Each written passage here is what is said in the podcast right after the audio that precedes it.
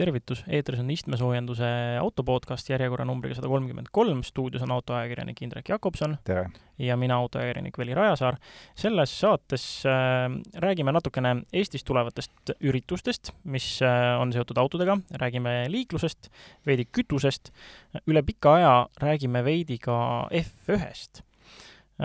siis äh, tuleb jätk ka eelmises saates mainitud Tšiili uuele põhiseadusele ja selle uudisele. räägime natuke sellest, kui paljud autotootjad on jälle akude tootmisega äh, midagi ähm, progressi saavutanud, räägime Renault'st ja hobustest ja mis neid seob ja üle pika aja on meil äh, kavas jälle nädala Elon, see on meil mitu korda vahele jäänud, aga onu Elon on äh, jällegi olnud pildis ja nüüd võtame siis kohe mitme nädala lõikes kokku, mis ta vahepeal teinud on, millega ta hakkama saanud on. ja saate lõpus räägime nädala proovisõiduautost, milleks oli Cupra Formentor, aga mitte lihtsalt niisama, vaid see kõige-kõige kangem ehk VZ5 rida viiega ja peaaegu neljasaja hobujõuga. aga kõigest järjekorras, äh, esiteks üks nii-öelda kaubanduslik teadaanne no neid kaubanduslikke teadaandeid on tegelikult kaks, aga meil on hea meel tõdeda, et auto ja autodega seonduvaid üritusi ei ole mitte ainult suvel, vaid ka sügise poole. et äh, me salvestame seda saadet teisipäeval, siis praegu võime öelda ülehomme, aga igal juhul jätke meelde, et neljapäeval, kaheksandal septembril toimub Jüris ABB e-sõidukite teemapäev et tegemist on üritusega, mis toimus eelmisel aastal, ühe samasugusena, see aasta on ta veelgi vahvam, tõenäoliselt veelgi suurem, seal on seminarid, seal on esinejad, seal on töötoad ja kindlasti saab vaadata päris, päris mitut uut elektriautot. kusjuures mina ei olegi sellel konkreetsel üritusel käinud nüüd, kui teda tehtud on, ma saan aru, et sa, sa käisid ka eelmisel aastal, siis mis, mis sealt siis nagu tarka kõrva taha panna sai lõpuks? eelmisel aastal, eks ta oli suur social event selles mõttes, et inimesi oli üllatavalt palju kohal, huvi elektromobiilsuse vastu on kahtlemata suur. ja noh, nägi päris kes ei ole kogu aeg mööda autoesindusi käinud, siis nägi neid autosid, mida võib-olla tänavapildis igal päeval ei kohta ja mis oli kindlasti kõigi jaoks selline tõmbenumber, oli esineja Keskkonnainvesteeringute Keskusest, kes rääkis oodatavast elektriautode ostutoetusest. no tõsi küll, see jäi siiamaani tulemata. mis aga ei jää tulemata, on Tartus sel nädalavahetusel ka motoshow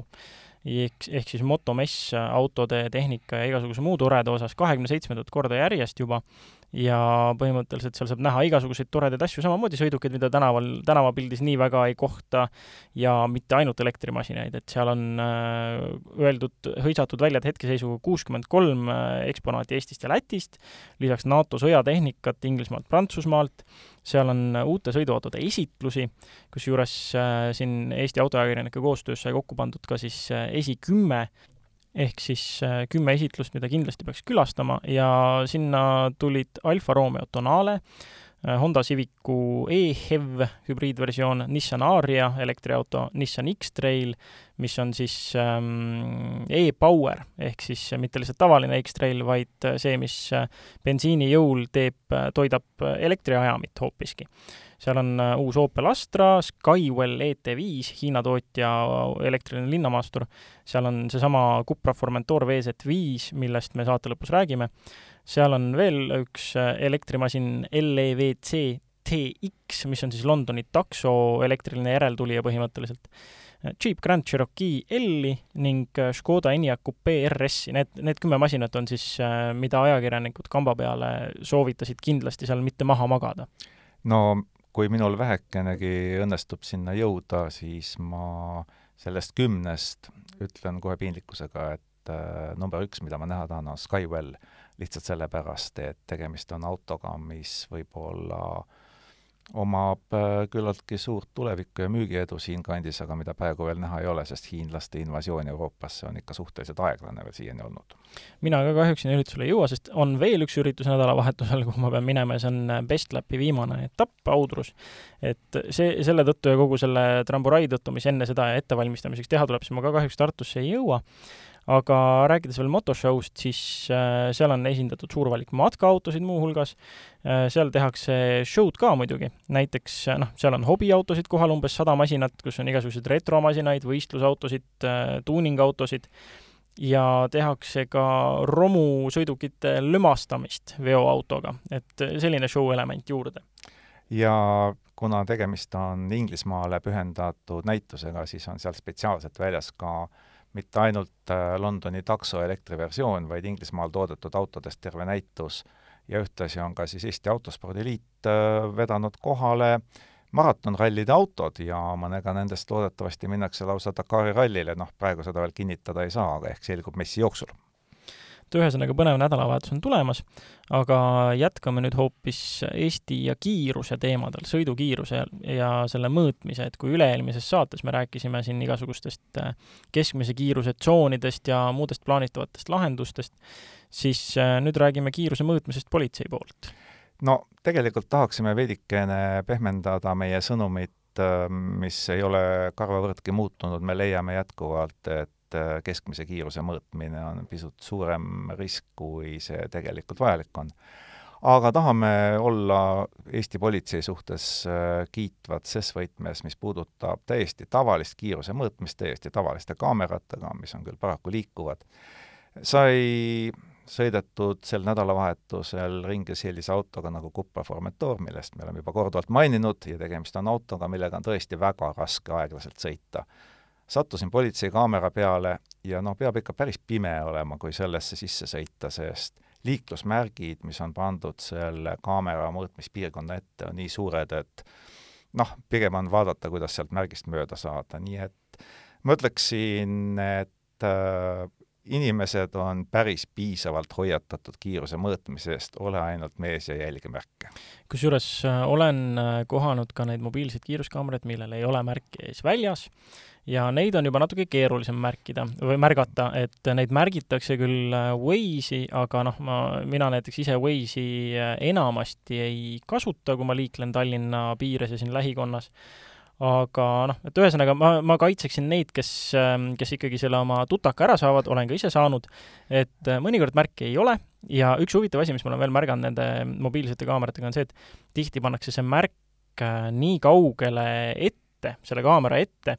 et äh, sa jõuad juba seal roolis kahtlema noh, see on hästi naljakas näha seda liiklusvoolu efekti, et see märk tuleb, kõik tõmbavad kiiruse maha siis äh, ühtlaselt limavad veel aeglasemalt kui lubatud, siis see limarada jõuab umbes nii kaugele, kus kõikide juhtide peas käib see krõps, et oot, kas oli nüüd kuskil ära, kas ma ei näinud või kas ma olen ise loll, ja siis nad lisavad kiirust ja siis kusagilt käib see sähvakas veel natuke aega hiljem ära, et see on nagu, need on nii, nii ettepoole pandud, need märgid tihtilugu, et sa nagu täiesti lased oma valvsuse mingil hetkel maha ja siis, äh, ja siis saad oma sähvaka eks seda valvsuse mahalaskmist aitavad ju kultiveerida ka need liiklusmärgid, mis on meil tänavatel. Tallinnas on need päris sagedased, ongi liiklusmärgid ööpäev läbi üleval kogu aeg, mõõdame kiirust radariga, tegelikult ei ole seal taga ühtegi radarit, aga igaks juhuks on see märk üleval ja siis sa harjud sellega ära. Siis sa enam ei ole tähelepanelik. Ja veel peab kiitma politseid selles osas, et äh, nii palju, kui ma olen näinud neid nüüd äh, mõõtmas siis äh, patrullina, mitte siis kaameraga,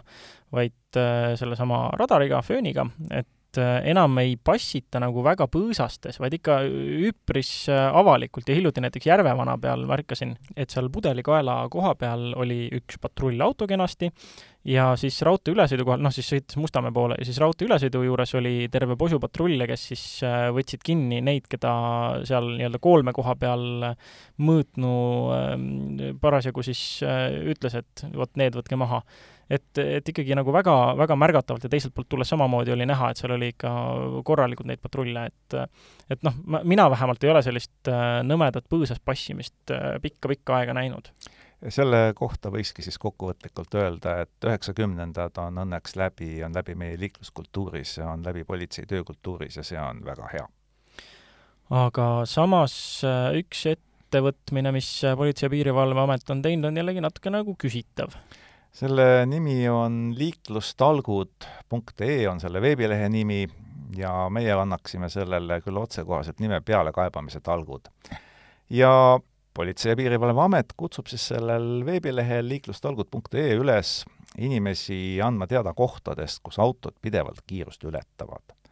ja selle info põhjal siis politsei teeb kahekümne teisel septembril kiirustalgute raames, mitte lihtsalt niisama, vaid talgu korras, teeb liiklusjärelevalvet. ja meil on selle kohta küll ettepanek, et kallid kuulajad, võtke see kaart seal ette ja vaadake üle need kohad, mille üle kaevatakse otsige üles need kohad, mis on teile tuttavad ja siis mõtelge natuke, et kas seal on ikka reaalselt põhjus. no toon paar näidet, ainult kaks, mitte rohkem. Viimsi vald, Hunditee.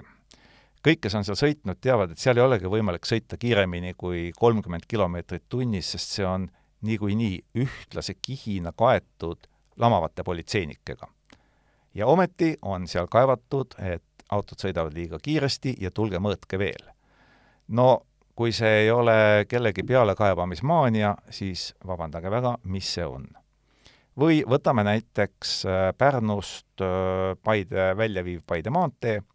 Pärnu-Tammiste vahel, seal on märgitud neli punkti paarikilomeetrisel lõigul.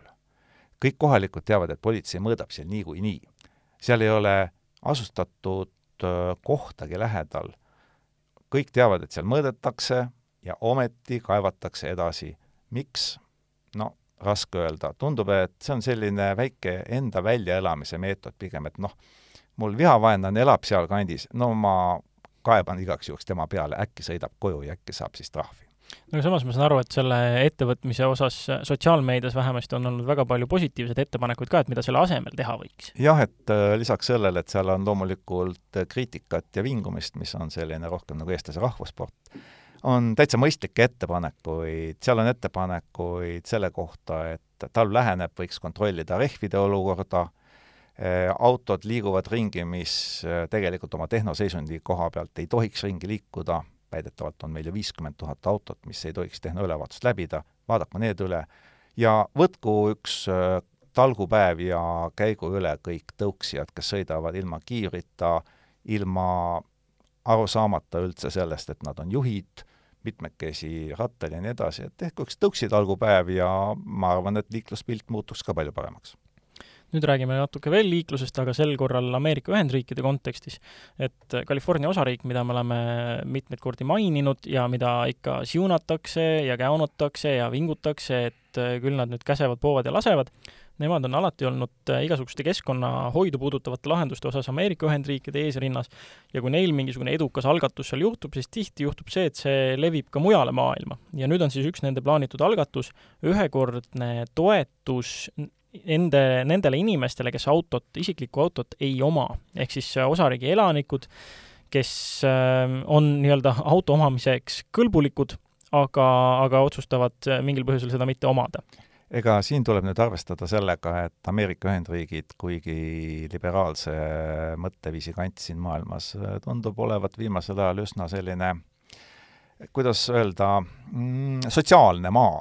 sest ega igatühte ei toetata. Äh, toetust saavad ikkagi ainult need kodanikud, kelle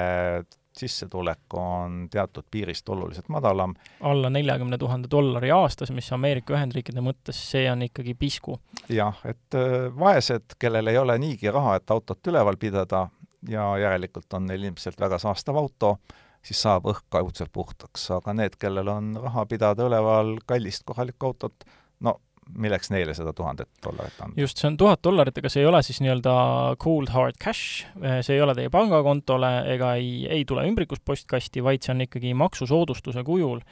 aga noh, see idee on muidugi saanud ka palju kriitikat selles osas, et esiteks tuhat dollarit ei kata California osariigis äh, linnades üldiselt isegi mitte kuu aja ühistranspordi liikumise vajadust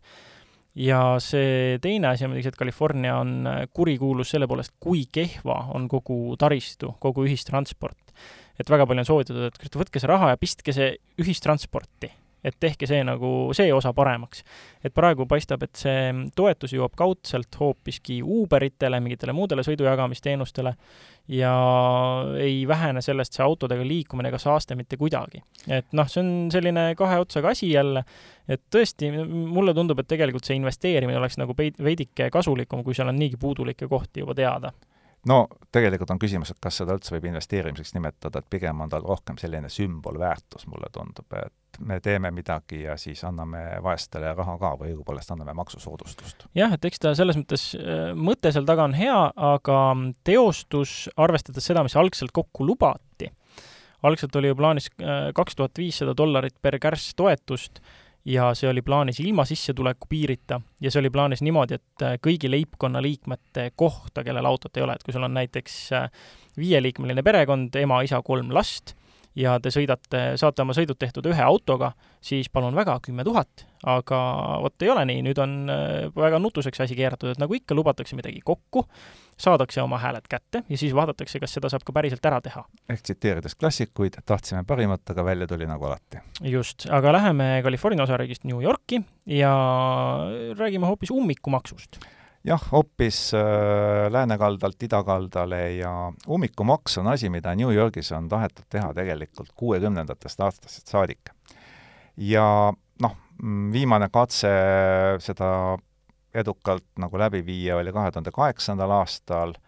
noh, linnapea oli sel ajal Mike Bloomberg, aga ikkagi ei õnnestunud tal seda läbi pressida ja no lõppude lõpuks siis kahe tuhande üheksateistkümnendal aastal kuuekümnendast tänavast lõuna pool midagi suudeti ära teha, et New Yorgist saigi siis tegelikult esimene suur linn Ameerikas, kus on olemas ummikumaks. muidugi ummikumaks tähendab seda, et erandid tehakse kiirabiautodele, see on täiesti mõistetav, puuetega inimestele ja vaestele, ehk siis leibkondadele, kes elavad seal tsoonis ja kelle sissetulek on kuuskümmend tuhat dollarit või vähem Ameerika võib-olla keskläänes ei olegi see teab mis sissetulek, aga New Yorgis, Manhattanil, kui su aasta sissetulek on kuuskümmend tuhat dollarit, siis on tõesti küsimus, et kuidas sa seal üldse elad. just, täpselt. aga elu on näidanud, et muidugi nende tsoonide kehtestamine liiklust vähendab, no arusaadavalt, kui sul võetakse ikka raha, siis sa enne kolm korda mõtled, kas sa lähed sinna või mitte, et teadaolevalt Singapuris on üks esimesi suuremaid linnu, kus see kehtestati juba tuhat üheksasaja seitsmekümne viiendal aastal, London tegi seda kahe tuhande kolmandal aastal, Stockholm kahekümne uuendal aastal ja kokkuvõtlikult hästi ümmarguselt võiks öelda, et umbes veerandi võrra on siis liiklus nendes piirkondades vähenenud. nii et efekt on olemas, linnakassa täitub, aga kõik muidugi väga õnnelikud ei ole ja ega New York ei ole ka väga veendunud, et see asi nagu väga hästi välja kukub, sest kõik valijad ei taha sugugi enne valimisi selliste plaanidega nõustuda. no siin on jälle see vana hea, kui võrrelda nüüd California ja Nu-, California katsetust ja New Yorgi katsetust, et üks pakub kommi ja inimesed ei ole väga rahul, teine piitsa, inimesed ei ole ka väga rahul, aga ühe puhul on vähemasti lootust, et äh, kusagilt tulevad mingid hääled, et noh, ma kahtlustan mingil põhjusel, inimloomus paraku on niisugune, et ma tõesti kahtlustan, et see, kas ähm, ka järgmistel valimistel hääli saadakse, on kaalukam kui see keskkonna kokkuhoid, mis seal kummagi initsiatiiviga kuidagiviisi saavutatakse. no New Yorgis on nad isegi välja arvutanud mitte ainult keskkonnasäästu, vaid täiesti konkreetse rahalise säästu, et väidetavalt äh, iga newyorklane kaotab ummikute tõttu keskmiselt sada kaks tundi aastas ehk tuhat kuussada dollarit vähem. ta lihtsalt äh, jääb see raha teenimata erinevate arvutuslike noh, ükspuha mis meetoditega see kokku on löödud. nii et äh, tuhat kuussada dollarit versus tuhat dollarit, aga ilmselt ikkagi tuhat dollarit vist jääb peale aga läheme kütuserubriigi juurde ja alustame ikka Brenti naftabarreli hinnast, mis on praeguse seisuga käinud alla üheksakümne nelja USA dollari. ja kuigi ta käis äh, vahepeal siin ka üle saja jälle, on ikkagi selge, et ähm, tema koht, kus ta soovib olla, on seal alla saja dollari piiri, aga paraku me seda posti otsas veel nagu täheldanud ei ole. Jah, posti otsas me seda ei näe, et posti otsas on stabiilsus, ikka üheksakümmend viis maksab üks üheksakümmend diiselkütus sama palju ja üheksakümmend kaheksa maksab viis senti rohkem mõnes mõttes on hea, pole väga keeruline arvutada,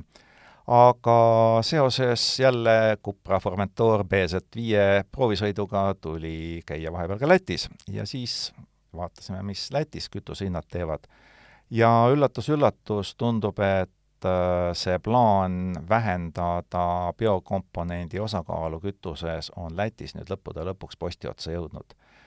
E üheksakümmend viis, meie kõige levinum bensiin, maksab Lätis kümme senti vähem, üks kaheksakümmend. Äh, diiselkütus maksab viis senti vähem, üks kaheksakümmend viis ja E üheksakümmend kaheksa lausa üksteist senti vähem, äh, üks kaheksakümmend neli ja need on suhteliselt kallid hinnad, mis on otse vastu Eesti piiri. et kui minna Riiga, minna Riia taha, siis seal näeb veel madalamaid hindasid, nii et hinnavahe Lätiga on tõepoolest sisse tulnud ja see on nüüd Eesti kahjuks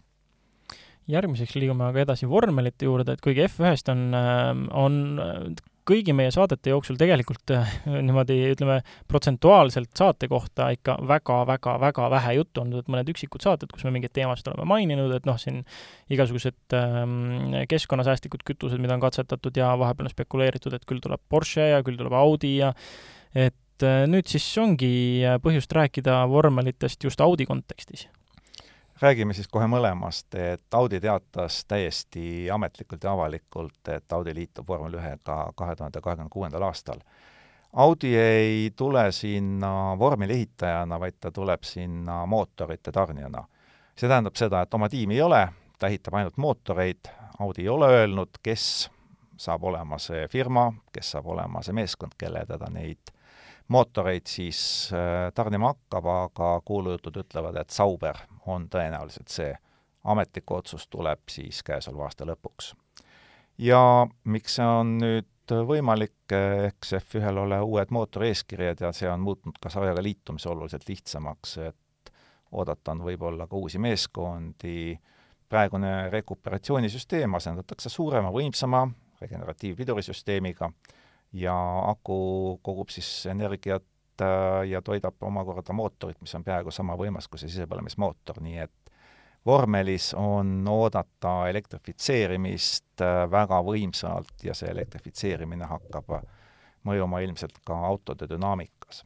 ja kui Porschest rääkida, siis ka Porsche ootab ära kahe tuhande kahekümne kuuenda aasta ja reeglite muutuse aga ka tema ametlikku otsust sinna vormelikarusselli sisenemisest on varsti oodata. Samamoodi ei kavatse Porsche hakata vormeleid ehitama, vaid võtab ikkagi sisse rolli mootoritarnijana, kuulujutud räägivad Red Bullist, ja Porsche võib lausa siis sellelt positsioonilt Honda välja tõrjuda, ametlikku infot veel pole, nii et ootame põnevusega mida ka põnevusega ei oodatud, tundub, on äh, Tšiili uus põhiseadus. eelmises saates rääkisime, et see oleks äh, tõsiselt mõjutanud kogu nende kaevandustööstust ja liitiumi kaevandamist. Tšiili on ju teadagi liitiumi suuruselt teine tootja maailmas. aga põhiseadus ja selle muudatused ei olnud neile pärikarva mis on täiesti üllatav, et me ju ei tee tegelikult poliitikasaadet ja tavaliselt me selliseid uudiseid ei kajasta, aga kuna tegemist on maailma suurimate liitiumivarudega riigiga, siis sellest ei saa mööda vaadata. ja tõepoolest oli äärmiselt hämmastav, et kui häältest oli loetud seitsekümmend kaks protsenti, siis kuuskümmend kaks protsenti tšiilastest oli juba selle uue plaani tagasi lükanud. ausalt öelda oleks olnud tegemist ilmselt Äh, kogu maailma ajaloos võib-olla kõige demokraatlikuma põhiseadusega üleüldse, üle saja õiguse, alates põlisrahvastest äh, ja lõpetades loodusele ja loomade õigusedega, nii et rääkimata kaevandamiseeskirjade karmistamisest, oleks see ilmselt kogu Tšiili elu pea peale pööranud. mis on ka arusaadav, sest ega Pinocheti aeg oli äärmiselt karm ja nüüd on see pendel liikunud ikka väga teise serva seal ühiskonnas, nii et äh, vasakpoolne president äh, tahtis realiseerida oma visiooni, see ei õnnestunud ja ilmselt siis nüüd hakatakse uut põhiseaduse projekti uuesti välja töötama. aega läheb selleks kindlasti paar aastat, aga senikaua jätkatakse vanaviisi ja autotootjad selle üle kindlasti ainult rõõmustavad. jah, no see on äh, ka loogiline, et äh, nagu sa ütlesid, pendel ühest servast teise, on ju, siin selliste suurte ühiskondlike muudatustega seda Overtoni akent äh, tuleb nihutada hästi rahulikult ja, või noh, lasta, lasta tal nihkuda, et seda ei saa nagu niimoodi jõuga suruda, et plaanid võisid olla küll head ja tuua kaasa head, aga jah, natukene ri-, liiga niisugune robustne võib-olla. et äh, siin, siinkohal ütlen mina, et jälgime siis põnevusega, mis äh, nii-öelda kompromissile tullakse siin parema ja vasaku äärmuse vahel ja mis, mis sellest siis ikkagi saab. aga jah, seni, seni liitiumi kaevandamine ja tootmine käib äh, sama vana hooga edasi. aga liitium on teadagi ülivajalik akude tootmiseks ja siin erinevad autotootjad on hakanud oma akutehaseid muudkui rajama uusi, vanu muutma, ümber tegema, laiendama, et siin on mitmeid, kes on nüüd nende uudistega selles osas välja tulnud, et äh, üks neist on Honda Honda on teatanud siis koos LG Chemiga, et nad teevad Ameerikas nelja koma nelja miljardi dollari suuruse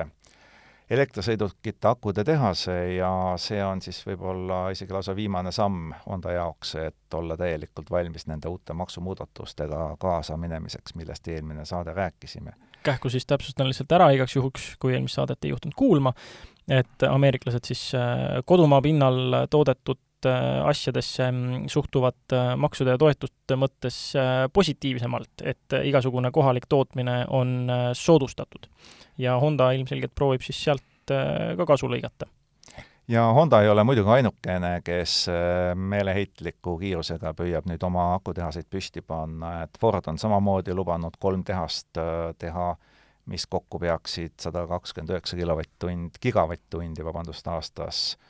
Akusid jõudma toota General Motors kavandab lausa nelja, samuti koos LG Chemiga, aga Volkswagen on seadnud omale eesmärgiks lausa kuus tehast püsti panna, paraku kõik Euroopas. Ja kui me üle-eelmises saates rääkisime, et üks Blume suurematest äh, väljakutsetest on see, et ta tahavad Ameerika turul jala maha saada ja olla seal tõsiseltvõetav tegija, noh, kas või Honda mõistes äh, siis äh, niimoodi see, see ei ole see tee, jah? see ei ole see tee, eks ole, kui ehitad tehaseid ainult Eesti, Euroopasse, aga püüad saada jala maha Ameerikas. paneme need äh, gigavatt-tunnid ka korra perspektiivi, et äh, Volkswagen soovib siis nende kuue akuelementide tehasega hakata aastas välja andma kakssada nelikümmend gigavatt-tundi akusid. et ütlen siia kõrvale, et kuus gigavatt-tundi akusid on see, millega Toyota saab oma hübriidsõidukite aastase vajaduse kaetud et ähm, sellised mastaabid siis, kakssada nelikümmend versus kuus. aga siin tuleb arvestada ka sellega, et see kuus ei ole kindlasti Toyota jaoks lõplik number, sest äh, Toyota on lõpuks aru saanud, et ei ole mõtet jonnida ja vastuvoolu ujuda, elektrifitseerimine on möödapääsmatu ja ainult hübriidautodega, pean silmas eriti tavahübriide, ütleme otse, kaugele ei sõida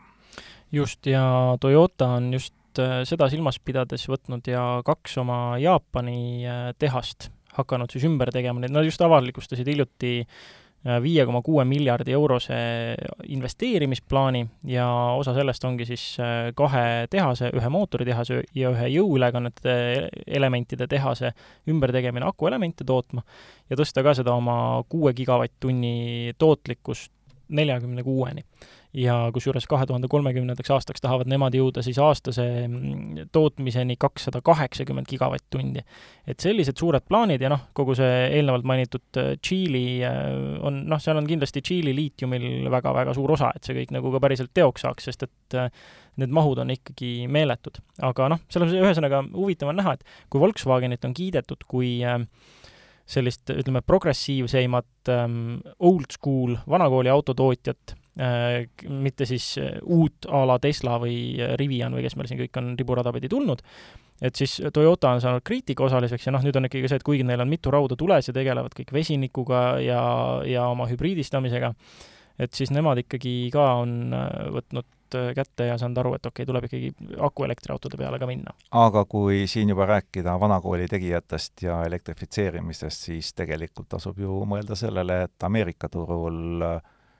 viimase kvartali ehk siis kahekümne teise aasta teise kvartali müügitulemustelt Ford, täiesti vana klassikalise autotootjana, on elektriautode tootmisel teisel kohal Tesla järel ja väga uhkelt läheb, sest F-150 Lightning müüb nagu mühiseb ja jõuaks ainult toota. Läheme nüüd siit edasi aga ühe Renault uudisega, mis on äh, seotud ka hobustega, ettevõtmine, äh, äri, mille nimi on Horse. et nii hull asi muidugi ei ole, et et äh, autotootja hakkab hobuseid kasvatama, kuigi nimi võiks sellele tõepoolest vihjata. aga Renault on kindel plaan eraldada oma sisepõlemismootorite äri siis äh, teistest äridest, milleks on töösõidukite äri ja elektrisõidukite äri, võtta sinna sisepõlemismootorite divisjonile juurde Hiina juba suur ja tuntud autotootja Geely ja üks naftafirma. naftafirma nime ei ole paraku avaldatud aga mis kõige kentsakam, on see, et sellel on pandud nimeks Horse, täiesti tavaline hobune.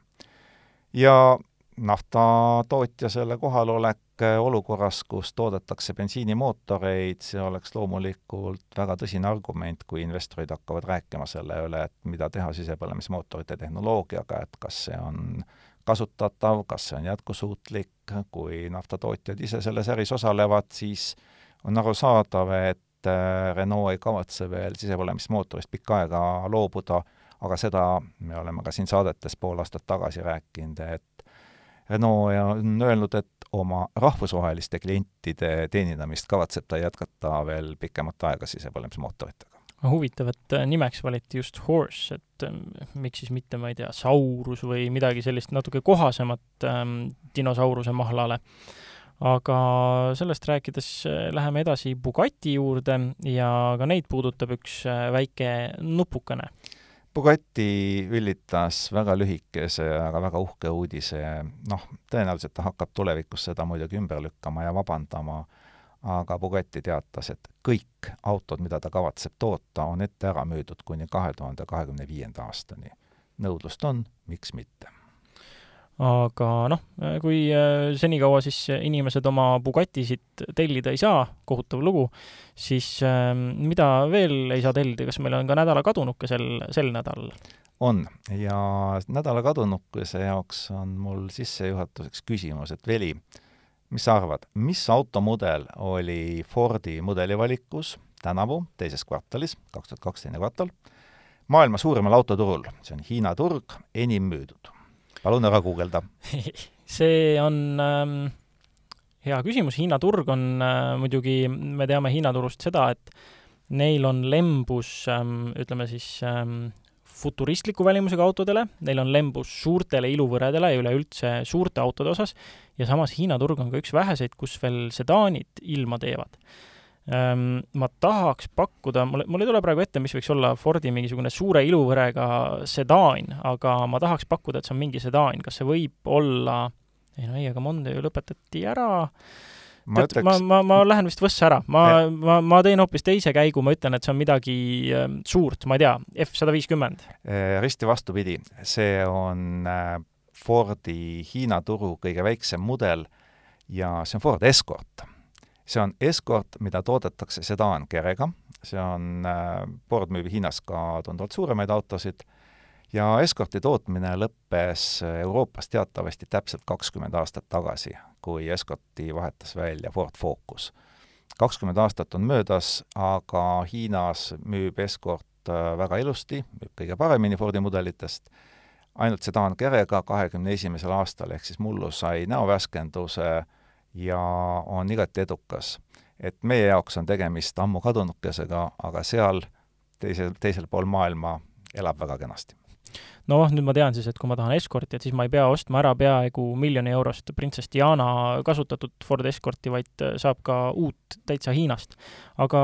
räägime nädalanumbrist, et kui, kui eelmine nädal vist oligi nädalanumber seesama summa, millest Diana äh, Escort läks, siis mis see meil sel nädalal on? Selle nädala number on seitsesada neliteist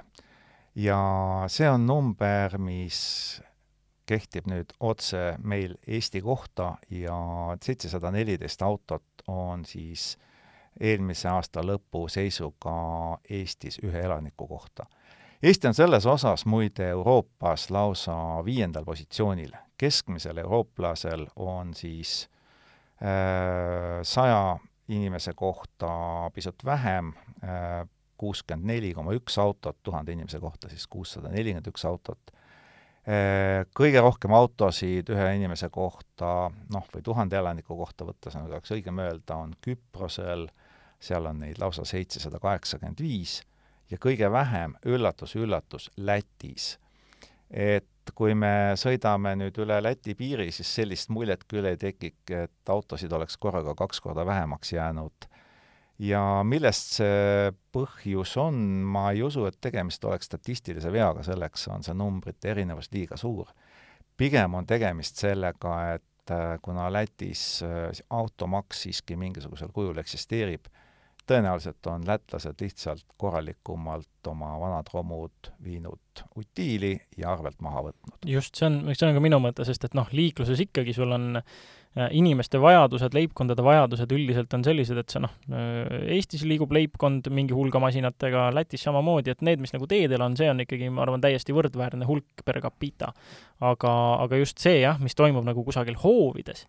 et see, et Eestis ei ole, mm, ütleme siis äh, rahaliselt kuidagiviisi äh, karistav see, kui sa pead äh, mitmeid romusid ja ei utiliseeri neid, et see, see kõlab küll nagu asi, mis, mis võiks olla põhjuseks. kuidas huvitav seis Ühendkuningriigis muidugi on, sest nende maksud on päris kõvad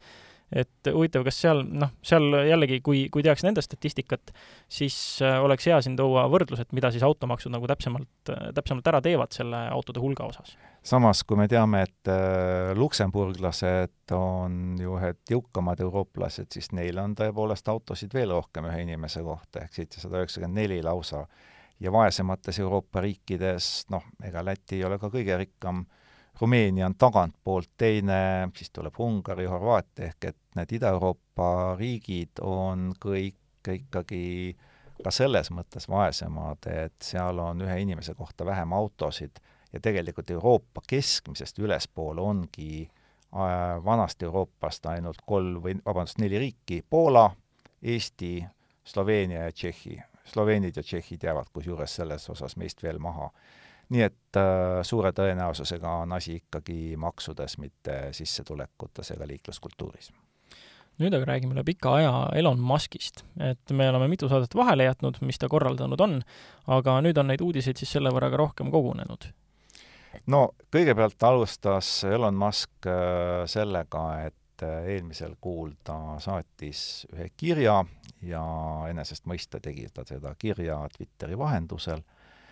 ja sinna serveeris ta kõikidele oma fännidele oma postiaadressi. et kas see oli kogemata, kas see oli meelega, raske öelda, aga Elon jagas Twitteris kirja, mis siis oli saadetud talle ühelt Stanfordi ülikooli professorilt,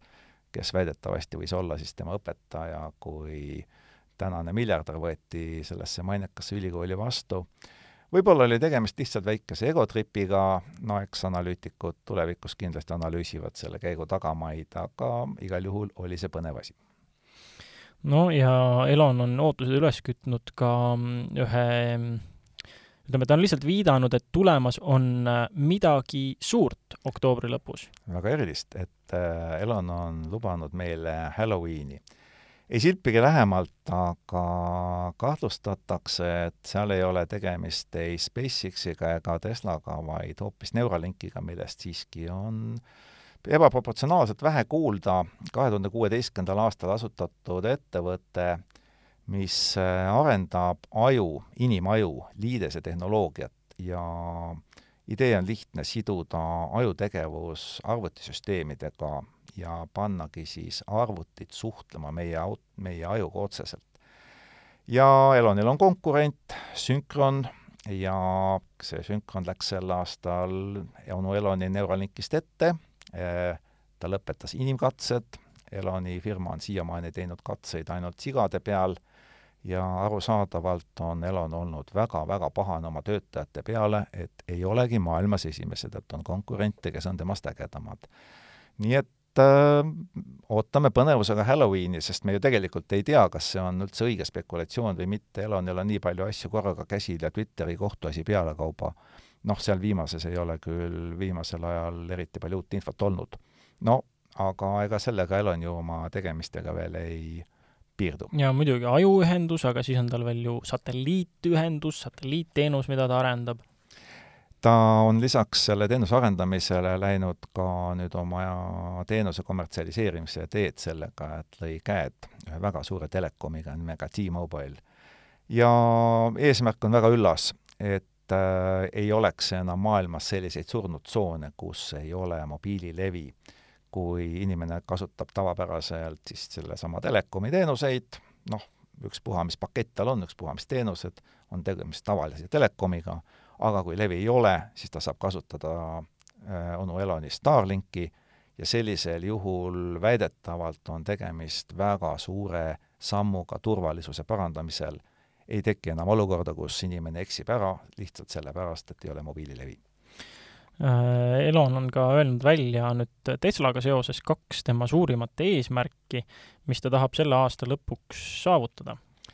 kõige suurem probleem on tema jaoks ju olnud tegelikult seesama FSD ehk full self-driving, isejuhtivus. noh, termin juba iseenesest on selline, mille pärast on tal tulnud kohtuuksi kulutada, sest mitmed autoostjad ja ka liiklejad on väga pahased, et tegelikult see ei juhi üldse autot ise, vaid juht peab olema kogu aeg valvel. Not what it says on the tin, öeldakse selle kohta jah, et ei ole see, mis karbi peal kirjas on ja kuueteistkümnendal aastal samamoodi teatas Elon, et nüüd on kõikidel uutel Tesladel vajalik ristvara olemas, ainuke õnnetus, et äh, tarkvara on puudu. ja käesoleval aastal siis äh, ta lõpuks laiendas seda testimist selle peale, et tulid esimesed betatestijad, noh, ajakava loomulikult veel ei ole, millal siis see nagu lõplikult laiematesse massidesse jõuab aga mis on küll nagu teada, on see, et hinnad tõusevad ja Elon müüb nüüd sedasama full self-driving paketti mitte enam kaheteist tuhande dollariga, vaid viieteist tuhande dollariga. mis tähendab seda, et äh, miks mitte õhku müüa, kui selle eest ollakse nõus maksma ja nii juba kuuendat aastat järjest. võib-olla kui lubadused paika peavad, siis saavad selle aasta lõpuks siis inimesed näha, mille eest nad on nii palju raha varakult välja käinud aga saate lõpetuseks äh, liigume nüüd lubatud proovisõiduauto juurde, mida me umbes täpselt viis korda vähemalt maininud oleme, et Cupra Formentor VZ5. Äh, räägin kähku natukene sellest autost, mis ta endast kujutab, noh, Cupra Formentor teadagi, äh, Seatist lahku löönud sportliku brändi Cupra esimene tegelikult siis päris oma auto, niimoodi nad rääkisid, omal eraldi platvormil, mitte ei põhine enam olemasoleval Seatil ja nelikvedu, ikkagi Volkswagen Grupi tehnika loomulikult, äh, Volkswagen Grupi mootor, et kui äh, teistel versioonidel on seal ähm, EA kaheksa kaheksa kaheksa derivatiive, eriseadeid, siis nüüd see VZ5 tähendabki seda, et see viis seal tähistab äh, viit silindrit. Ja noh, ega ei ole enam meil palju autosid tööstuses järel, millel on viiesilindriline mootor, loomulikult Audid, erinevad RS-mudelid, ja sama mootori on saanud nüüd ka see VZ5, et ta ongi siis Cupra Halo mudel ja noh, mingis mõttes võib teda kutsuda nagu niisuguseks beebi RS-iks natukene. No tegelikult, kui seda autot äh, hinnata, siis eks ta olegi ju RS äh, pisut soodsamas versioonis. aga tegemist on äärmiselt revolutsioonilise mudeliga seetõttu, et äh, seesama VZ5 tehti siis Cupra kui omaette brändi kolmandaks sünnipäevaks, aastapäevaks, ja see mootor, millest sa rääkisid, see viiesilindriline legendaarne mootor, mis on erinevatel seeriaautodel kahe tuhande üheksandast aastast juba peal, seda on Volkswagen endale küsinud kontserni sees väga pikka aega ja Audi ei ole seda Ungaris toodetud jõuallikat kuidagi täinud anda. ja nüüd siis, ma ei tea, kas äh, oli see kuidagi seotud äh, Herdisi mingisuguse sooviga teha sünnipäevakink või siis vaadati lihtsalt seda, kui hästi Formentor on tegelikult müünud, Formentor moodustab ju Cupra müügist kaks kolmandikku, ilmselt nähti seal piisavalt suurt potentsiaali aga see ei ole veel kõik, lisaks sellele mootorile anti VZ5-le ju ka Golf R-i nelikveosüsteem ja seda oled sa, Veli, vist isegi saanud testida. just, sest sellega on nüüd nii, et kui ähm, selle nii-öelda ütleme, tavalise Formentori tippmudeli ähm, puhul ma kritiseerisin ikkagi seda nelikvedu, sama, mida ma olen tegelikult teinud äh, väga paljude Volkswagen Grupi masinate puhul, noh, see on siis ütleme, piiri peal sõites ikkagi, kui sa viita ikkagi, noh, kui sa sõidad temaga nii-öelda maksimumi, et äh, noh, vaatame tõele näkku, tegelikult on ähm, see, see ei olegi rajaauto, see ei olegi rinkaauto, ta on ikkagi äh, foorist foorini, ta on mõeldud olema kiire, mugav, pakkuma emotsiooni, aga mitte olema juhiauto. ja just seda aspekti ma olengi alati kritiseerinud Volkswagen Grupi nelikvedude osas, et äh, noh, seal ei olegi juhil tegelikult midagi teha, see ei ole mehaaniline nelik, seal on väga palju elektrooniliselt juhitud, seal on väga paljud lapsehoidjad, mida ei saa välja lülitada, mis sinu eest midagi seal toimetavad. ja nüüd selle auto puhul asi on parem, ütleme niimoodi. et äh, jällegi, kui ma võrdlen nagu eelmist Formentori ja nüüd seda VZ5-te, siis, siis just seda neliku käitumist, äh, noh, see jälle kinnistas, kinnitas mulle seda äh, kõhklust või kahtlust, mis mul oli, et, et lihtsalt nende nii-öelda Volkswageni jaoks natuke nagu alambrändide, odavamate masinate ja kõikide teiste puhul on see, et nad ikkagi midagi seal kirjutavad juba meelega valesti tarkvarasse sisse või noh, mitte siis valesti, vaid meelega kirjutavad sisse mingisugused väikesed puudujäägid. ja seda just selleks, et mitte turuosa ära võtta oma nendelt õigetelt R-idelt siis. ja nüüd selle puhul siis on ikkagi mindud sinna täiesti nagu over the top, et see ei ähm,, ma selliseid suuri puudujääke enam ei tundnud, et jah, ta, tal on küll omad äh, kiiksud, tal on küll omad äh, piirajad ja ikkagi mingid lapsehoidjad, mis taustal tööle jäävad, aga see ei ole üldse nii kätest-jalgadest kinni siduv, nagu on olnud äh, mu kogemus teiste Cuprate ja nii mõnegi teise Volkswagen Grupi kiire masinaga. no tegelikult ütleme otse välja, et need Cuprad, mida siiamaani Cupra nime all turundati, siis oh, need olid ikka nii piiravad, et äh, seal nagu päris sellist rõõmsat lustimist pisut libedamal kattel, noh, asfaldi peal ma ise eriti seda sõidurõõmu tunda ei saanud, sest äh, kui vähekenegi hullata gaasipedaaliga, siis lähevad kiirused sinna, kus ähvardab lubadest ilmajäämine, seda me ju ei taha. ma kähku räägingi siin need äh, numbrid vahelduseks ära, sest see osa jäi tegemata. Läksime kohe nat-, natukene juba tehnilisemaks ja ma luban veel, veel natuke tehnilisemaks minna, aga enne numbrid. Äh, kahe koma viie liitrine rida viis siis, kolmsada üheksakümmend hobujõudu, äh, Twin Scroll turboga ehk siis kaheosalise kuumakojaga turbo väga hea, noh, ütleme, ta reageerib väga hästi ja väga kiiresti gaasipedaali vajutusele. väga kiiresti on sul pöördemoment juba üleval ja olemas ja turbo tööhoos. selles osas ei ole midagi ette, midagi halba öelda väga,, väga-väga hea mootor. Äh, veidi vähem jõudu tõesti, kui siin Audi RS-idel, kolmsada üheksakümmend hobust on, aga on ikkagi väga korralik. seitse kilovatti ehk kümme hobujõudu vähem. just, ja samas on äh, mida on juba tuvastatud, on see, et noh, talle lubatakse neli koma kaks sekundit nullist sajani, loomulikult tal on olemas ka stardiabi ehk siis äh, launch control, ja mida on erinevad testid tuvastanud, et tegelikult see masin vähemasti sirgjoone ja hoo pealt kiirenduses on äh, kiirem kui äh, RS-id. aga kuna seda tehakse nii piiratud kogustes, siis ta nagu otseselt Volkswagen Grupi siseselt ei ohusta seda RS-i turuosa nii väga, et noh, ju siis sellel lasti nagu nii-öelda libiseda et.... piiratud koguse all äh, tuleb siis silmas pidada tootmisnumbrit seitse tuhat, sest äh, Cupra on öelnud, et ainult nii palju mootoreid Audi meile anda täis. Just, ja, ja mis on veel tuvastatud, mis mind üllatas kusjuures, on see, et ähm, seesama proovisõiduauto käis ka ühel ähm, kas nüüd lõppkiirusvõistlusel või mingil kiirendusvõistlusel äh, osalemas siin Eestis, sellele pandi lihtsalt alla kergemad väljed ja muidu olid samad rehvid, millega ta tehasest tuleb, äh, need olid siis Eagle F1 superspordid. lihtsalt kergema väljega ja täiesti ametlikult võistlusel mõõdetud tulemus nullist sajani kolm koma viis sekundit. et see oli see, mis mul korra juba võttis, noh, see, see on ikkagi superautode territoorium, ütleme. et neli koma kaks on veel niisugune jah, noh, madal neli ja päris äge, aga no väga paljud masinad ikka suudavad seda praegu niimoodi väga lollikindlalt. aga kolm koma viis, kuramus, see on ikkagi juba, juba millegi moodi et ja samas seal sees sõites ta ei ole nagu nii, noh, ta ei ole kuidagi ühestki otsast äh, dramaatiline. üks asi, mis mind äh, launch control'i kasutades aga üllatas, on see, et kui näiteks võrrelda noh, äh, mis mul, mul ei jää muud üle, noh, see on küll siga ja kägu, aga Porschega, sellepärast et need on viimased launch control'iga masinad, millega ma olen sõitnud, kui võrrelda, mida teeb veermik sel hetkel, kui sa stardid siis äh, Cupral see rafineeritus selle koha pealt puudub. mis on väga huvitav, et tegelikult on ju lihtne programmeerida, noh, tal on aktiivne vedrustus ka, lihtne on ju programmeerida vedrustus äh, vastu kreenima sellele, kuhu mass läheb, sealt tagant jäigaks lüüa lihtsalt, aga mingil põhjusel äh, startides paigalt sa tunned, kuidas tagumik, sul äh, vasak ja parem külg vaheldumisi üles-alla käivad sellist nagu ütleme, peputamist. Ma olen, ma, ma ei olegi sellise stardiabi ja eriti Volkswagen Grupi stardiabi puhul nagu varem tundnud, et väga huvitav, et ta seda teeb. Ja just see noh, nimetagemgi seda siis peputamiseks, et kuidas saba nagu ühelt ja teiselt poolt üles käib vaheldumisi, seda ta huvitaval kombel tegi ka näiteks Tabasalu kardirajal, kus ma käisin temaga paar päeva tagasi proovimas, enne kui ma auto tagasi andsin. et äh, proovisin ära nii selle, mis aega ta sõidab, kui selle, kuidas ta piiri peal käitub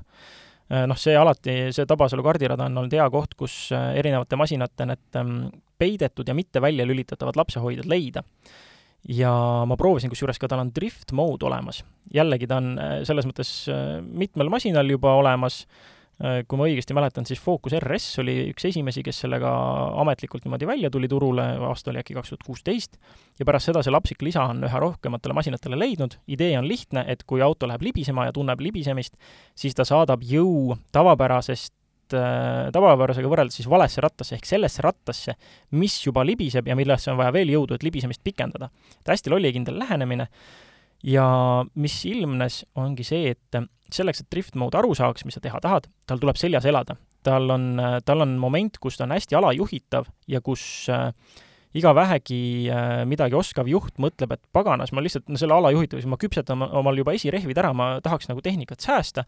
ja kui ta jala gaasilt tõstab, siis see ongi see, et noh, seal sul asi lõpebki, et auto ja saab aru, mis sa teha tahad ja seesama drift mode saab aru, mis sa teha tahad, kui sa ikkagi väga nagu ennastsalgavalt tal seljas elad. Ja siis ta töötab. ja see on nagu täitsa tore, et siis ta, siis ta lubab täitsa libistada ja hoiab seda ja selles mõttes teeb, mis, mis sa tast nagu ootad, aga ta ei tee seda kohe ja see oli nüüd muidugi positiivses võtmes, sest äh, drift mode ei ole sugugi ainukene režiim, milles see auto sõita oskab. sellel on alles näiteks off-road režiim ja selle kasulikkusest ma küll mitte kuidagi ei suutnud aru saada.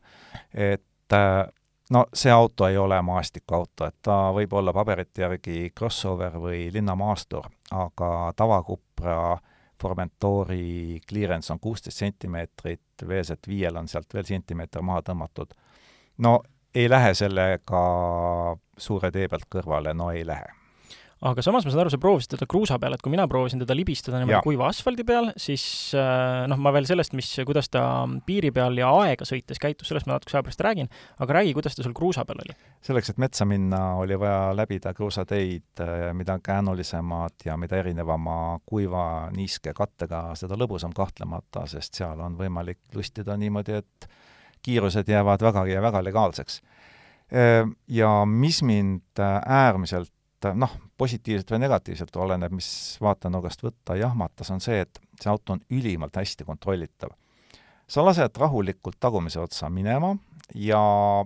läheb, läheb, läheb ja noh, ütleme niimoodi, sa võid võtta üsna suure kiiruse üles, minna kurvi,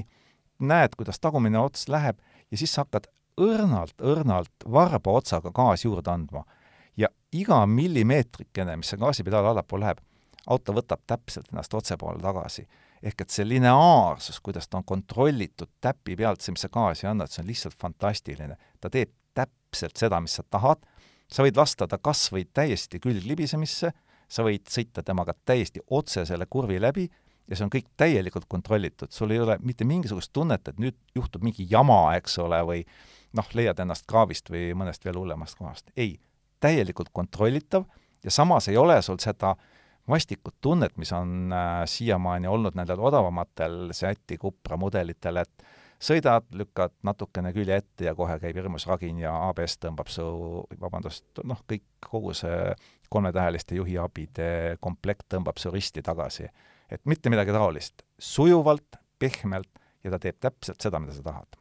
see on, äh, peegeldab väga seda, mida ma siis mitte VZ5, vaid siis selle mm, eelmise Cupra tippmudeli kohta, kolmesaja hobujõulise tippmudeli kohta ja selle neliku kohta ütlesin ka, et kui äh, muutuva pidamisega pinnasel on sellel nelikul identiteedikriis, siis kui sul on stabiilselt libe pinnas, siis ta on väga nauditav nelik ja väga täpselt juhitav. samamoodi talvel sain libistada teda ja ta tegi täpselt seda, mis ma ootasin. ta ei olnud nagu ära, noh, ta ei olnud äratuntavalt mehaaniline nelik nagu Subarul, vaid tal olid ikkagi, sa tajusid selle hetke ära, kui ikkagi elektroonika ja see veojõu jagamine veidikene sekkub, aga ta oli laias laastus väga õigesti neliku loogika alusel kontrollitav, siis nüüd selle VZ5-ga ma pean ütlema, et see nelik on veel parem. et Tabasalus, mis mind üllatas, noh, ma olen neid kupraid seal proovinud ja aja maha märkinud, äh, issand, mitu mul on, kolm-neli erinevat äkki. ja kõigi puhul mul oli seesama kriitika, et äh, ja noh, ja samamoodi ka Volkswageni erinevad R-autod. huvitaval kombel mitte Golf R, Golf R-i ma siiani ei ole saanud proovida, aga kõik muud R-id, mis siin on, T-Rockid ja Tiguanid ja muud R-id olen ma seal ära proovinud, kõigiga on olnud sama mure, et see nelik on tegelikult ikkagi väga-väga esivedu kogu aeg ja tagarattad sekkuvad minimaalselt, mitte kunagi ei ole sul sellist ülejuhitavat iseloomu kuival asfaldil. ja nüüd selle VZ5-ga, kui sa ikkagi sõidad rajal nii, nagu sa tahaksid aega sõita ja käid gaasiga ümber nii, nagu sa tahaksid aega sõita, siis see ülejuhitav karakter on temal täiesti olemas. teistel ei ole, aga temal on. ja see oli väga positiivne üllatus. et ähm, sa said tõesti seda teha, et kui sa Apexist välja kiirendades gaasile astud, siis sa tõesti lähedki sinna kõigi nelja ratta libisedes, libised oma sõidujoonele ilusti inertsiga välja ja sa saad seda libisemist ka hoida. ja ei pea üldse drift mode'i näppima, kui sa tahad äh, ennast nõelasilma kurvides natukene põiki lasta, täiesti tehtav kuival. et äh, selle koha pealt see nelikvedu kindlasti on, on parem kui äh, eelnevad kuprate peale jõudnud nelikud. selles osas ma kiidan. Mida ta aga mul tegi äh,, ütleme nii, ütleme, et ta tegi klassikalisi Volkswagen Grupi ja Audi RS-i asju ehk et äh, ma sõitsin oma aja niimoodi, et ma sõitsingi kolm äh, sessiooni, kus oli üks soojendusring ja kaks kuuma ringi. ehk siis ütleme, hästi nagu heaperemehelik ajasõit selle koha pealt, et ma ei venitanud neid sessioone pikaks. no ma oma autodega käin, ma üldiselt sõidan ikka niimoodi kümneringiste sessioonide kaupa. aga tegingi kaks kuuma ringi ja mis juhtus, mõlemad korrad teise kuuma ringi lõpuks ka äh, tuli teavitus, et äh, AVD süsteem ei tööta enam. ta lihtsalt lülitas ennast esiveoliseks ja see ongi see klassikaline Volkswagen Grupi ja RS-ide fenomen, mis äh, rajal kipub juhtuma alatihti et sa ei pea üldse palju sõitma, et nad tagumisrattaid longates mingi hetk pitlane'i ära vedada, et nad lähevadki esiveoliseks. Et küll RS-idel on see olnud ülekuumenevast kesktihvriõlist või käigukastiõlist, ja noh, ma kahtlustan, et seal on sama asi, mul ei tulnud mingit hoiatust selle kohta, et miks ta nüüd esiveoliseks ennast lülitas. aga ta tegi seda ja väga kiiresti ja, ja noh, aga, aga vähemasti sinna, sinna punkti jõudmine oli nagu nauditav, et see nelik senikaua tegi asju, mis ta peab tegema. ja ühtlasi, mis ma veel märkasin, et ähm, kui näiteks äh, Cupra Leon Sportstoureril oli selline väljalülitamatu abiline,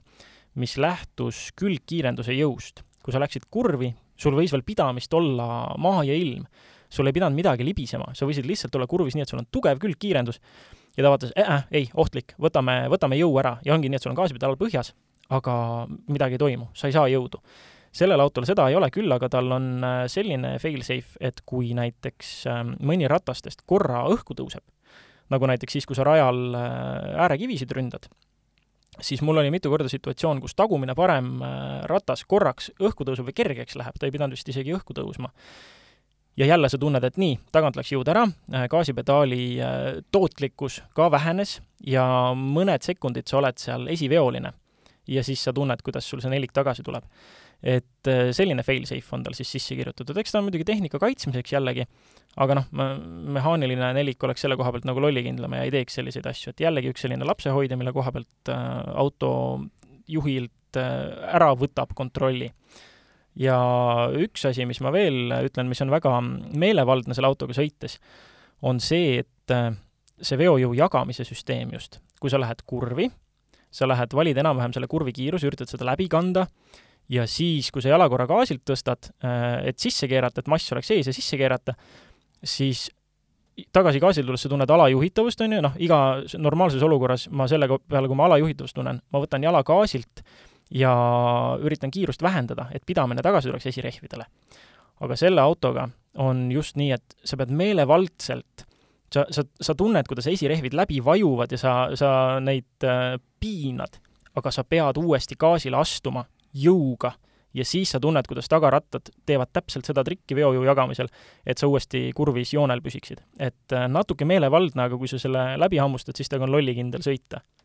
kui sa ütlesid feel safe, siis tegelikult on see muidugi täiesti, täiesti tõsiseltvõetav ohutusmeede, sest ütleme otse, ega kas nüüd enamus, aga paljud inimesed, kes selle auto endale ostavad, tegelikult ei ole hingelt võidusõitjad. Ja mul on üks äh, lõik, mida ma päris mitme testi autoga kipun läbima. Ja see on kurv, mis on täiesti maanteel, üheksakümmend lubatud parem kurv, mitte väga terav, ka mitte väga lame, aga seal on see õnnetus, et seal on mügar, mis viskab sind kurvist väljapoole. ja sõitsin seda kolm aastat tagasi sellise pisikese odava autoga nagu Citroen C3, sain ilusti ratta maast lahti ja selle peale järgnes väga suur ABS-i ragin koos kõikide muude abiliste kaasamisega. ehmatus, auto jäi alles, auto jäi otseks, noh, selles mõttes, et läbis kurvi. Cupra läbis sellesama koha niimoodi, et ma ei tundnud ka, et oleks üleüldse olnud, noh, väike müksakus oli nii et selles mõttes äh, vaatamata sellele, et vedustus on kindlasti jäigem, ta suudab ikkagi nii palju hoida sind äh, piisavalt turvaliselt teel, et sul ei teki selliseid ehmatusi, isegi juhul, kui need peaksid abiliselt natukene rakenduma. sest välja ma neid ei lülitanud maanteel. jah, ja nüüd äh, ma lisan veel mõned asjad, mis mulle silma jäid, Need on võib-olla natuke ka nokkimised, samas need on tarkvaralised ja kindlasti jõuavad need äh, tarkvaralised äh, probleemid nii kasutajate kui ka teiste autoajakirjanike tagasisidena ka äh, õigetesse kohtadesse ja ma kahtlustan, et need likvideeritakse. aga paar asja, mis mulle negatiivselt silma jäid. kõigepealt ma ütlen ühe positiivse ära, mis mulle meeldib, on see, et nüüd Cupra režiimis enam ei tooda seda võltsi mootori häält sisse, sul on, sul on jah, sul on kõlaritest, sul on mingi ülivaikne, sa tajud, et see ei ole päris, noh, sul on niisugune täitejõmin hästi vaikne. aga see ei ole selline sünteetiline vastik V8 ja Subaru Boxeri segu, nagu ta on ähm, teistes Cupra masinates et sul on rohkem päris mootori häält ja võib-olla tõesti niisugune madal bassine täitejõmin, et aga mitte midagi häirivat. see oli asi, mis on positiivseks tehtud selle auto juures. Mis oli aga negatiivne, paar korda näiteks launch control ei aktiveerunud. ma umbes viisteist korda järjest pidin proovima, et noh, sul tuleb ette teavitus launch control activated, mitte ühtegi teavitust selle kohta, et miks ta ei peaks töötama, aga ta ei jää pöördeid hoidma et sellega oli mingi error ja ma kahtlustan, et see võis olla ka sellest, et äh, kas dihvriõli või midagi oli kuum, aga siis peaks olema seal hoiatus ja ka esindusest öeldi ka, et siis peaks hoiatus ette tulema, kui ta sel põhjusel ei aktiveeri. et see oli üks tarkvara bug, mis mul õnnestus esile kutsuda. Äh, mis mulle ei istunud, on see, et äh, kui teistes kuprates sa võid panna omal sõidurežiimi kupra peale ja käigukasti või noh, käigukangi pealt lülitada ikkagi sisse tavalise drive'i, mitte sport mode'i siis äh, nüüd sellel äh, VZ5-l on Cupra moodis sul käigukastil kaks valikut, kas sport või sport pluss. mõlemad on sellised, mis hoiavad pöördeid ikkagi, ikkagi väga kõrgel. et see on jälle niisugune kasutusmugavuse asi, mille võib-olla võiks lisada, et kui sa tahad, et sul oleks see mootori responss olemas ja see mõnus hääl, aga sa tahaksid ikkagi, et ta ei hoiaks sul tavasõidul nagu ülikõrgeid pöördeid. samas käigukasti puhul ma pean kiitma seda, et mul ei tule siiamaani ette ühtegi kuprat, mille puhul mulle oleks see automaatkast meeldinud. ta ei ole kunagi aru saanud, mida ma just rajal teha tahan. väga imelikud äh, üles- ja allavahetused, isegi siis, kui pöörete mõttes ruumi on palju, isegi siis, kui oled manuaalrežiimis. selle auto puhul see S pluss režiim rajal, noh, ma ei pidanudki seal hakkama manuaalselt äh, labasid näppima, sest et ta sai täpselt aru, mis ma teha tahan. null etteheidet sellele, et sel korral on see automaatkasti tarkvara täiesti korda tehtud minu jaoks. et kui sul kaob ikkagi kastil ära vajadus tõesti ise neid labasid rebida, siis on väga positiivne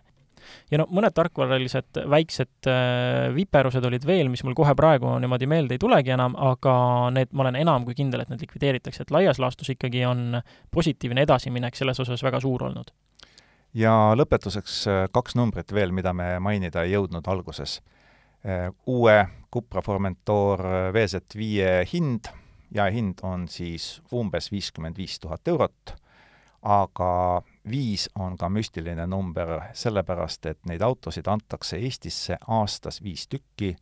selle aasta viis tükki on müüdud, järgmise aasta viis tükki on broneeritud, nii et äh, saadavus on äärmiselt tagasihoidlik, aga see on ka mõistetav, sest seitse tuhat tehakse neid autosid kokku. Ja meie jaoks ebaoluline, fännide jaoks oluline fakt, kõik need autod jäävad alati vasakpoolse rooliga, parempoolse rooliga erimeid ei tehtagi sest mõned eksklusiivsed asjad jäävadki eksklusiivseks. ja kokkuvõtteks tuleb öelda, et ähm, kuigi ma olen siin nimetanud äh, mitmeid asju, mis negatiivselt silma jäid, siis tegelikult see auto sõidab väga hästi, ta teeb kõiki neid asju, mida teevad äh, Audi äh, väiksemad RS-id, ta, isegi kusjuures, kui ma tegin äh, sõitu ühele sõbrale, kelle, kelle tuttaval on RS6, siis ta ütles, et see sisu on väga RS6 sarnane hästi,, hästi-hästi äh, analoogne, et noh, ma jään oma selle väite juurde, et see on noh, mitte isegi beebi RS, vaid tegelikult arvestades seda, et ta on mitmetele RS-idele silmad ette teinud ikkagi, et ta ongi odavama hinnaga Audi RS, mis on eksklusiivsem, ja ta teeb kõiki neid samu asju, mida teeks ka Audi RS et kui, kui see, et ta rajal ei ole juhi auto, ei ole kuidagiviisi takistav faktor, siis tegelikult see, et ta on odavam RS, on kindlasti suur-suur boonus. ja ma usun, et kõik inimesed, kes on selle auto endale saanud ja seda proovida saanud, on selle üle ikkagi väga õnnelikud, et tegelikult väga, väga hea ja nauditav masin. aga see oli meie saade sada kolmkümmend kolm, tänan, et meid järjekordselt kuulasite loodetavasti kuulate ka järgmisel nädalal. Kuulmiseni!